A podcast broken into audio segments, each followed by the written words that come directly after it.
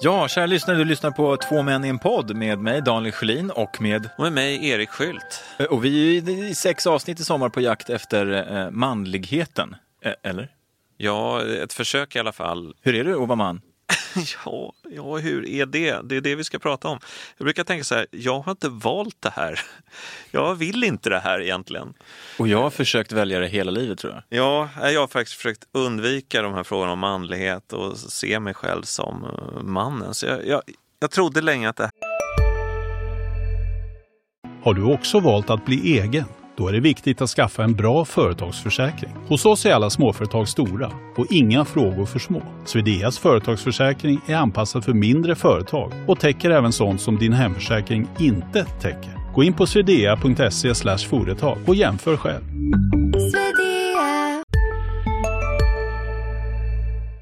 Här gick att, att liksom både förtränga och låtsas om att det inte fanns. Och sen så blev jag 40 och fick som en 40-årskris och sen så dök alla de här frågorna om, om manlighet och, och finns det något sånt? De dök upp igen på ett nästan alarmerande sätt. Så att det är dags att ta itu med det här, så vi kanske kan göra det tillsammans. Vi tar itu med, med, med kroppen, eh, gosedjuren och eh, skolgymnastiken. ja, typ. ungefär så. Ja, ja.